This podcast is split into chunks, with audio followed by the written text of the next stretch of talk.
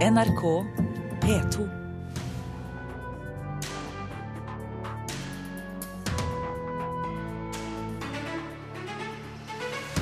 «2015 kan bli et godt år for norsk TV-drama. Filminstituttet gir rekordmye penger. Ren forbrukerveiledning i assistert selvmord, mener sjefredaktøren i Vårt Land, som håper noen vil klage inn gårsdagens Brennpunkt-dokumentar til pressens faglige utvalg. Langt fra å være Jo Nesbøs beste bok, sier vår anmelder som har lest det nyeste Blod på snø. Og skuffende med tomme ord, sier SV, som ikke fikk gjennom milliardsatsing til bibliotekene i Stortinget. SV møter Høyre til debatt. Og det skjer her i Kulturnytt i Nyhetsmorgen i NRK. Norske fjernsynsserier er populære, men møter konkurranse fra utenlandske strømmetjenester. Norsk Filminstitutt setter nå av over 55 millioner kroner til norske TV-seere i år. Det er mer enn noen gang før, og instituttet håper på å få flere suksesser, som Kampen om tungtvannet. Kan du sprenge den? Hva er det? Tungtvannsfabrikken på Vemork. Det norske TV-dramaåret starta godt med seerrekord for Kampen om tungtvannet på NRK. Og denne veka følger TV 2 opp med rekordtall for første episode for storsatsinga Frikjent. Jeg vet at du tror at han er uskyldig, men noen måtte jo ha gjort det. Nå vil Norsk Filminstitutt ha mer norsk drama på skjermen. I år skal det deles ut 55,3 millioner kroner til norske TV-serier. Det er mer enn noen gang tidligere. Direktør Sindre Gullvåg mener det er en god investering i norsk TV- og filmproduksjon. TV-drama er på mange måter med å sette dagsorden i utviklingen innen, innen vårt område. Og pengene kaster også godt av seg innen dette området, slik at for hver krone staten investerer i film, så blir det produsert veldig mye film på TV-drama. Samtidig ser vi at konkurransen fra utlandet blir større. Store aktører som Netflix og HBO har etablert seg i Norge og utfordrer den tradisjonelle TV-seinga. Derfor blir det ekstra viktig å styrke det norske innholdet, sier Gullvåg. Det er viktig for det norske språket, det er viktig for norsk kultur, og det er viktig for vår egen nasjonale identitet. Så det at vi har norsk produksjon som også fanger publikums interesse, legger vi sterk vekt på. Den auka TV-potten blir tatt godt imot av TV-produksjonsmiljøet. Styreleder Asle Vatn i Virke Produsentforeningen er også opptatt av konkurransen de møter fra de utenlandske aktørene. Det å levere et godt i en konkurranse mot de utenlandske strømmetjenestene som ikke er like, like interessert i det norske, så, så, er dette en oppgave som både allmennkringkasterne selvfølgelig har en oppgave å ivareta, og sammen med staten finne gode løsninger som gjør at vi kan konkurrere. Bare for å ha sagt det, så pleier ikke jeg å ta sånne oppdrag, altså. Look, all I need is a who, what, where, and why of these punks. You won't even get your hands dirty. Med serier som Lillehammer, Dag og Det tredje øyet har norsk TV-drama også hevda seg på bortebane. Når det nå blir putta mer penger inn i TV-seriene, må produsentene svare med kvalitet, sier Vatn. Vi konkurrerer med hele verden, og det betyr at vi må satse på kvalitet. Vi må satse på et, et kritisk volum en kritisk masse av volum som gjør at vi får ut en bredde av serier som er attraktive for både publikum og, og et internasjonalt marked. Og filmmelder i Filmpolitiet på P3, Rune Haakonsen, har tru på at norske serier skal kunne møte konkurransen. Og det å kunne tilby norsk innhold for å se på både språk og kultur og, og, og bevare det i møte med internasjonal konkurranse, tror jeg er en, en, faktor her. Og vi vil nå få mange nye TV-prosjekter opp på, beina når, når, når, støttesummen går såpass opp som i 2015. Og reporter her var Espen Alnes. Fra film og TV til biblioteker. I går forkastet kulturkomiteen i Stortinget SVs fem punkter for et løft for folkebibliotekene. Blant annet vil partiet gi øremerkede midler på en milliard kroner over fem år for å styrke folkebibliotekene. Kulturpolitisk talsmann for SV, Bård Vegar Solhjell. Dere fikk Stortinget med. Hadde du ventet noe annet? Nei, Jeg visste jo at flertallet på høyresida ville stemme det ned. Men jeg er nok litt skuffa over at òg partier som Arbeiderpartiet og Venstre eh, gikk imot det. Fordi de tidligere, i hvert fall i, i ord, har delt våre synspunkter. Og Det vi ville ha, var en nasjonal opptrappingsplan for folkebibliotekene, fordi de ikke har blitt prioritert i tilstrekkelig grad. Og før vi slipper til Høyre, Hva var det konkret dere ville ha med de andre partiene på? Vi vil ha en nasjonal opptrappingsplan, eh, satsing på en rekke felter, men kjernen i det var å øke bevilgningene med 200 millioner i året over fem år. Eh, og, og øremerke den opptrappinga, sånn Stortinget tidligere har vedtatt på områder som barnehage og barnevern. Og Hvis jeg veldig kort skal forklare bakgrunnen, så er det at mens det rød-grønne kulturløftet jo førte til en voldsom vekst på områder som film, teater og museer Ja, For det hadde jo muligheten. Dere satt i regjering. Så har bibliotekene stått stille. Og det her fikk vi dokumentert i 2013 av det såkalte Enger-utvalget. Og Problemet er at bibliotekene er under kommunene. Kommunene velger ofte da å prioritere områder som eldreomsorg og skole, forståelig nok. Så hvis vi skal få det løftet for folkebibliotekene som alle sier de er for, så tror vi det må tøffere lut til enn øremerka opptrappingsplan. Bjørgulf Vinje Borgundvåg, statssekretær i Kulturdepartementet. Er det kommunene som er problemet for bibliotekene? Eh, det er ganske stor politisk enighet i Stortinget om målene for bibliotekpolitikken, nemlig at vi må legge til rette for robuste, omstillingsdyktige folkebibliotek, slik at alle innbyggere i landet kan få gode bibliotektjenester. Det var ordene til den rød-grønne kulturministeren da de rød-grønne endret bibliotekloven i 2013. Da var det ingen rød-grønne stortingsrepresentanter som deltok i den debatten, men det var, det var, bred enighet i Stortinget om de lovendringene. Og i den lovendringen så beholdt man paragraf 2 i folkebibliotekloven, som sier at det er kommunene som har hovedansvaret for folkebibliotekene. Og nå ser de altså at det holder ikke. Her må staten inn og, og fortelle dem at disse pengene det skal dere bruke på biblioteket. Ja, altså, Jeg er veldig uenig i at det er Stortingets oppgave å instruere og øremerke hvordan kommunene skal forvalte sitt mandat. I skattepolitikken så mener SV at en krone bare gir økt velferd hvis det er staten som fordeler de pengene, den krona og forteller innbyggerne hvordan de skal bruke den. Hvis man gir den i form av skattelette, så kan man, da er det ikke velferd lenger. Og Her sier altså SV at de vil ikke ha tillit til at landets lokalpolitikere kan prioritere kultur og kan prioritere folkebibliotek. Derfor skal de instruere og styre hvordan kommunene skal bruke penger på bibliotek. Er det helt feil? Ja. Fordi alt, alt, kommunene bruker på bibliotek i dag, det er ca. 1,5 milliard til sammen, skal de fortsette å bruke og disponere. Men på toppen av det så vil vi sikre at du får en betydelig vekst til folkebibliotekene fordi det er en kraftig satsing. Også, Men kan ikke de selv altså, sikre det, hvis de ser ja, og får dokumentert ja, fra utvalg at det holder ikke? Kan og, ikke og da det, byer og kommuner selv finne ut at nei, vi må satse mer på biblioteket? Og det har alle partier på Stortinget i teorien vært for så lenge jeg har deltatt i norsk politikk. Det har bare ikke skjedd. Og det har vi fått dokumentert gjennom en brei offentlig utredning heter Enger-utvalget, som pekte på at det var nødvendig med et sånt kraftig løft for bibliotekene. Og det rare er jo at eh, hvis dere er helt enig i intensjonene og honnørordene, så må jeg få spørre hvordan vil dere sikre at det faktisk blir virkelighet ute i kommunene, når vi i så mange år ikke har klart å få til den satsinga på folkebibliotek? Men det jeg syns er litt rart, er at nå har altså de ja, ja, Hvordan vil dere sikre det? For det var egentlig ja, et, et øyeblikk, Solhjell. Det var også, Nei, egentlig altså, også mitt spørsmål. For hvis dere, et øyeblikk, hvis dere er enige om uh, målene, satse på folkebiblioteket, uh, hvordan sikre at kommunene faktisk gjør det, hvis det viser seg at de ikke alltid gjør det? Eh, I statsbudsjettet for 2015 så har vi sikret et reelt økt handlingsrom for kommunene ved å styrke kommuneøkonomien. Det gjør kommunene i stand til å prioritere også kultur. Eh, men altså, eh, Solhjell sier at han er skuffet over Arbeiderpartiet ikke fulgte dem i handling. Det gjorde jo ikke Arbeiderpartiet i regjering heller. Fordi at I 2006 så la de rød-grønne fram en utredning som het Bibliotekreform, som tok til orde for en rekke endringer. Så kom det en stortingsmelding om bibliotek i 2009 som hadde veldig mange forslag. Den meldingen var så tjukk at det kom en egen kortversjon. Der skulle man styrke depotbiblioteket. Man skulle utrede uteliggermodeller for Det er en rekke okay. forslag som ikke er gjennomført. Og det mener du at de ikke gjør? Hvorfor gjorde dere ikke det da dere satt i regjering? Jeg er enig i at vi gjorde for lite for bibliotek. Og blant annet fordi vi ikke hadde god nok dokumentasjon på det vi fikk i 2013, at det ikke nådde bibliotekene. Men nå er den tida over. Denne nye regjeringa kun kan svare på spørsmål om framtida med å snakke om den rød-grønne regjeringa. Nå må de sjøl fortelle mm. hvordan de skal oppnå Solhjell, det vi ikke har klart før. Du fikk altså ikke uh, tilslutning i kulturkomiteen for det, det forslaget dere kom med. Uh, Vinje Borgenvåg. Det er jo helt feil å påstå at de ikke hadde dokumentasjon. Statistisk sentralbyrå utgjør kulturstatistikk som viser Men, hvordan kommunene bruker penger på, på 2015. Vi skriver 2015, Borgundvåg.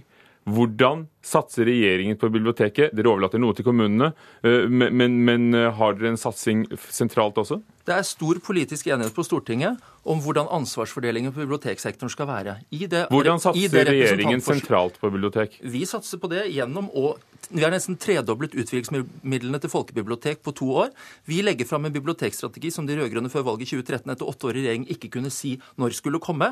Og når komiteen nå behandlet representantforslaget fra SV, som ikke Arbeiderpartiet heller eh, støttet, så mente altså komiteen at gode bibliotektjenester tilpasset behovene i et lokalsamfunn best kan utvikles av lokale krefter. Det mente Arbeiderpartiet og resten av komiteen. La meg først si at Det er brei enighet om en rekke viktige satsinger. E-bøker, kompetanse. Det har vi funnet ut. Hvordan det store mangelen, etter mitt syn, er at det, altså bibliotekene er norgesmester i honnørord uten at det følges opp av penger.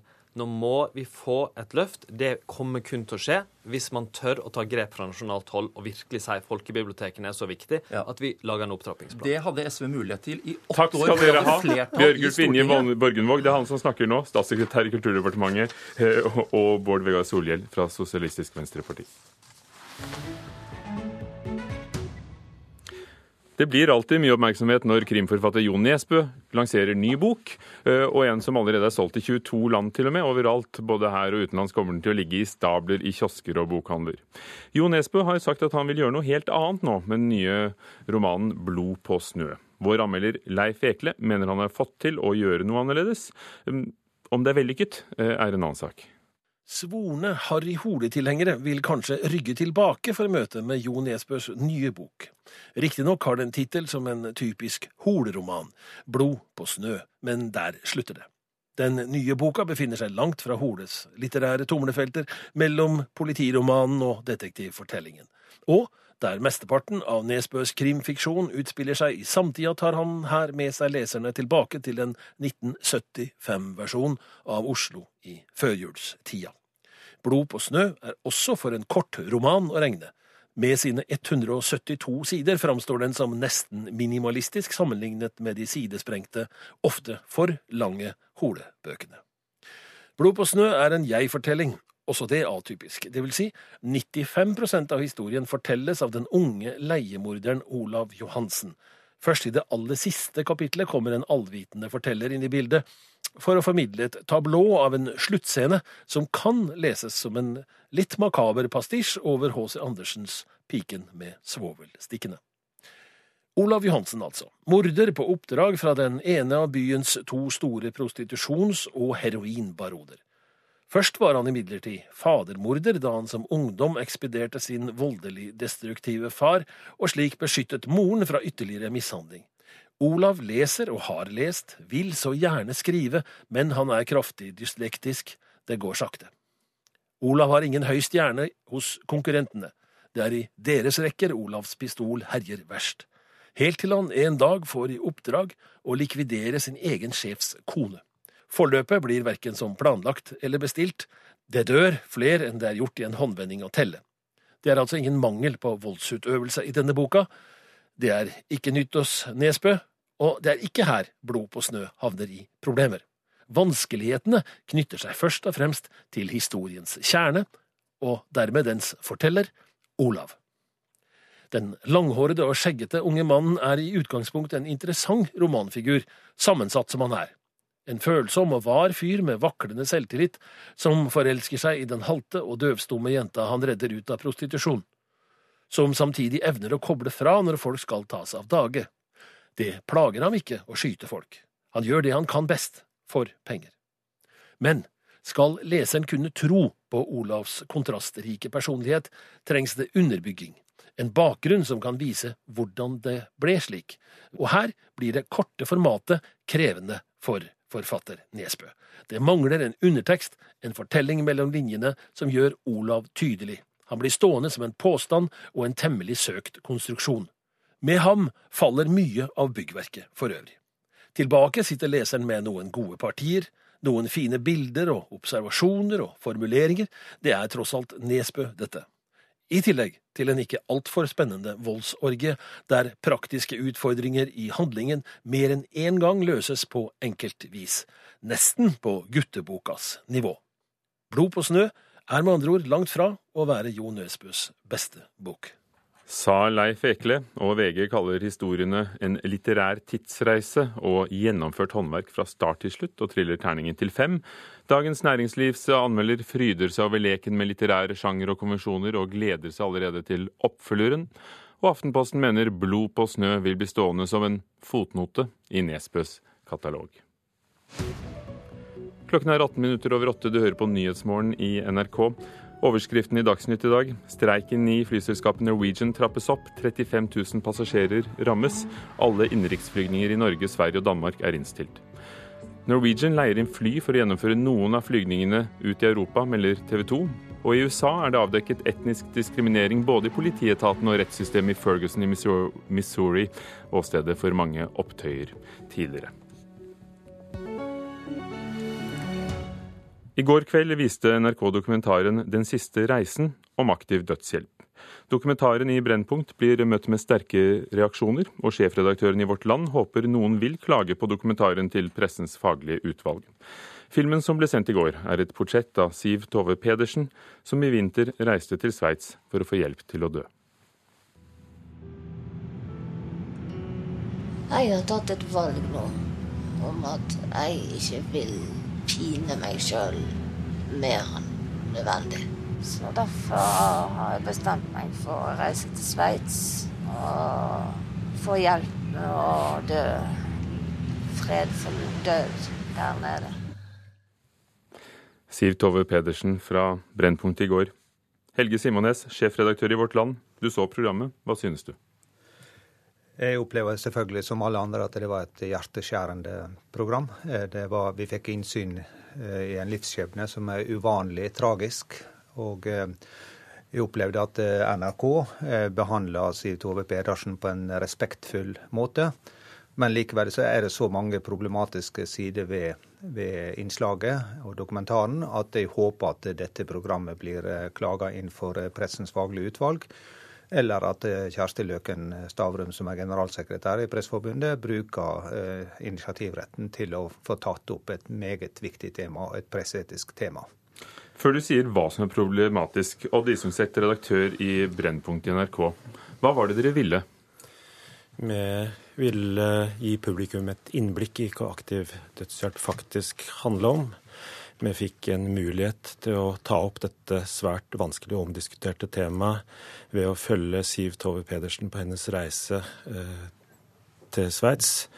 Eh, jeg mener at eh, vi på den måten ga folk et, et innblikk, ga det et grunnlag for refleksjon, ga det et grunnlag for ettertanke, og at vi har laga et program som jeg håper kan bli stående som en referanse i den debatten som til enhver tid eksisterer omkring et så vanskelig tema som aktiv dødshjelp. Helge Simones, hva er problemet? Ja, Det er flere, flere problem, presseetiske problem. Eh, bare det at eh, NRK inngår en avtale med en som har bestemt seg for å, å benytte seg av eh, assistert selvmord eller aktiv dødshjelp, det er jo seg sjøl problematisk. Eh, det er ikke lett å trekke seg for beslutninger når hun eh, vet at NRK i et eh, halvt år har brukt store ressurser på å dokumentere hva som skjer her. Det jo, men det er ikke det største etiske problemet. Rent konkret i det presseetiske så er jo dette Vær varsom-plakaten så tydelig sier at mediene skal være veldig varsomme med, og jeg kan, jeg kan sitere Unngå beskrivelse av metode eller andre forhold som kan bidra til å utløse flere selvmordshandlinger. Det er det som står i Prestens faglige utvalgs Vær varsom-plakat. Og det har de gjort her, mener du? Ja, jeg mener at uh, sekvenser og deler av programmet er ren forbrukerveiledning i hvordan uh, dette kan gjøres. Vi får et Eh, vi får presentert eh, på en måte dødsrommet eh, der dette skjer. Et flott innreda lokale der dette på mange måter skal ufarliggjøres.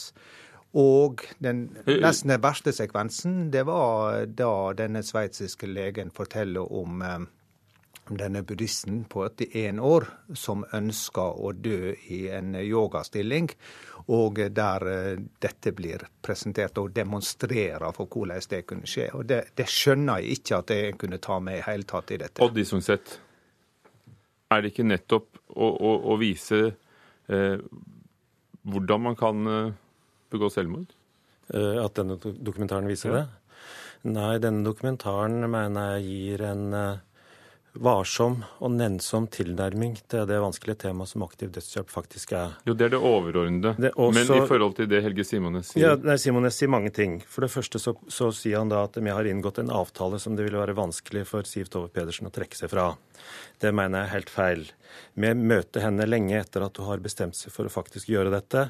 Vi er veldig tydelige på at hun når som helst kan trekke seg. Vi er veldig tydelige på å understreke både skriftlig og muntlig at det at vi følger henne, ikke på noen måte må prege hennes valg. Eh, med en observatør i forhold til hennes valg. Det er det ene. Det andre som Simones har tatt opp her, altså når det gjelder forhold til Var varsom-plakaten og varsomhet i forhold til omtale, omtale av selvmord, så er jo den paragrafen eh, utforma i forhold til andre typer selvmord enn en såpass lang reise som dette er. Ikke sånn, ikke sånn, å forstå at dette ikke er interessant i den forbindelse, men dette med fokus på metode, dette med rettsfrykten for smittefare, er jo først og fremst der uh, i forhold til andre, altså i forhold til uh, en frykt for Uh, akutt smittefare når det gjelder uh, selvmordshendelser. Og det er stort sett den type saker som har vært oppe til behandling i Pressens faglige utvalg. Dessuten så er det ganske viktig. altså Den revisjonen som var Vær varsom-plakaten på dette punktet for en fem-seks år siden, handla jo om at en da eh, forandra dette fra at eh, selvmord og selvmordsforsøk som hovedregel ikke skulle omtales, til at en nå har sagt at dette skal omtales med varsomhet. Og det mener og det, du at dere har gjort? Det mener jeg at vi har gjort, og det mener, dette mener jeg faktisk òg at det er veldig viktig. Altså, Selvmord og selvmordsforsøk var jo lenge pga. den strenge paragrafen et tabu. Så lenge en behandler dette på en varsom og nennsom måte, sånn som jeg har gjort det her, så mener jeg det er langt innenfor. For Simones, dette er jo en uh, tematikk som også TV 2 nylig har tatt opp i en, uh, en film. Ja. Uh, og flere nordmenn reiser årlig til Sveits for å oppsøke aktiv dødshjelp. Hvordan skal man kunne behandle dette temaet uten faktisk å ta det opp og vise det? Jeg er ikke imot at, det, at temaet behandles, men jeg er veldig imot at det går så nærsynt inn i en forbrukerveiledning. Og eh, jeg må arrestere i Sungset når det gjelder hvordan denne paragrafen var tenkt. Jeg var styreleder i Norsk Presseforbund den gangen dette ble vedtatt. Eh, vi jobba veldig mye med spørsmålet. Han er helt rett i at det er selvfølgelig akutte selvmord som er en veldig viktig del av det. Men han kan ikke utelukke å si at det ikke dreier seg om aku eh, bare akutte selvmord. Men, Også dette blir en stor Du mener det omfattes av intensjonen i den paragrafen, men hvordan mener du at dette temaet kan belyses journalistisk, filmatisk, uten å, å vise, uten å ta det opp? Jeg mener iallfall at det, det, å gå så inn i så detaljerte skildringer på hvordan dette skjer eh, Vi får se hvordan å utløse den knappen som gjør at giften kommer inn i kroppen. Det, og vi får enda til eh, en forbrukerveiledning om hvor mye dette koster, altså ca. 70 000 kroner. Vi får vite hvor stor rabatt du kan få. Her er det masse ting som fortjener å bli behandla av eh, seriøst av Pressens faglige utvalg. Det er først og fremst ute etter at vi våger å ta den presseetiske debatten om det i det relevante organet. Det er de som skal gi veiledning. Ser du frem til denne debatten i PFU, ja, hvis den kommer? Altså, altså, jeg har det absolutt ingenting imot at dette kommer mot i pressens faglige utvalg. Det syns jeg ville vært veldig fint. Og Disomsekt, redaktør for Brennpunkt, Helge Simones, sjefredaktør i Vårt Land.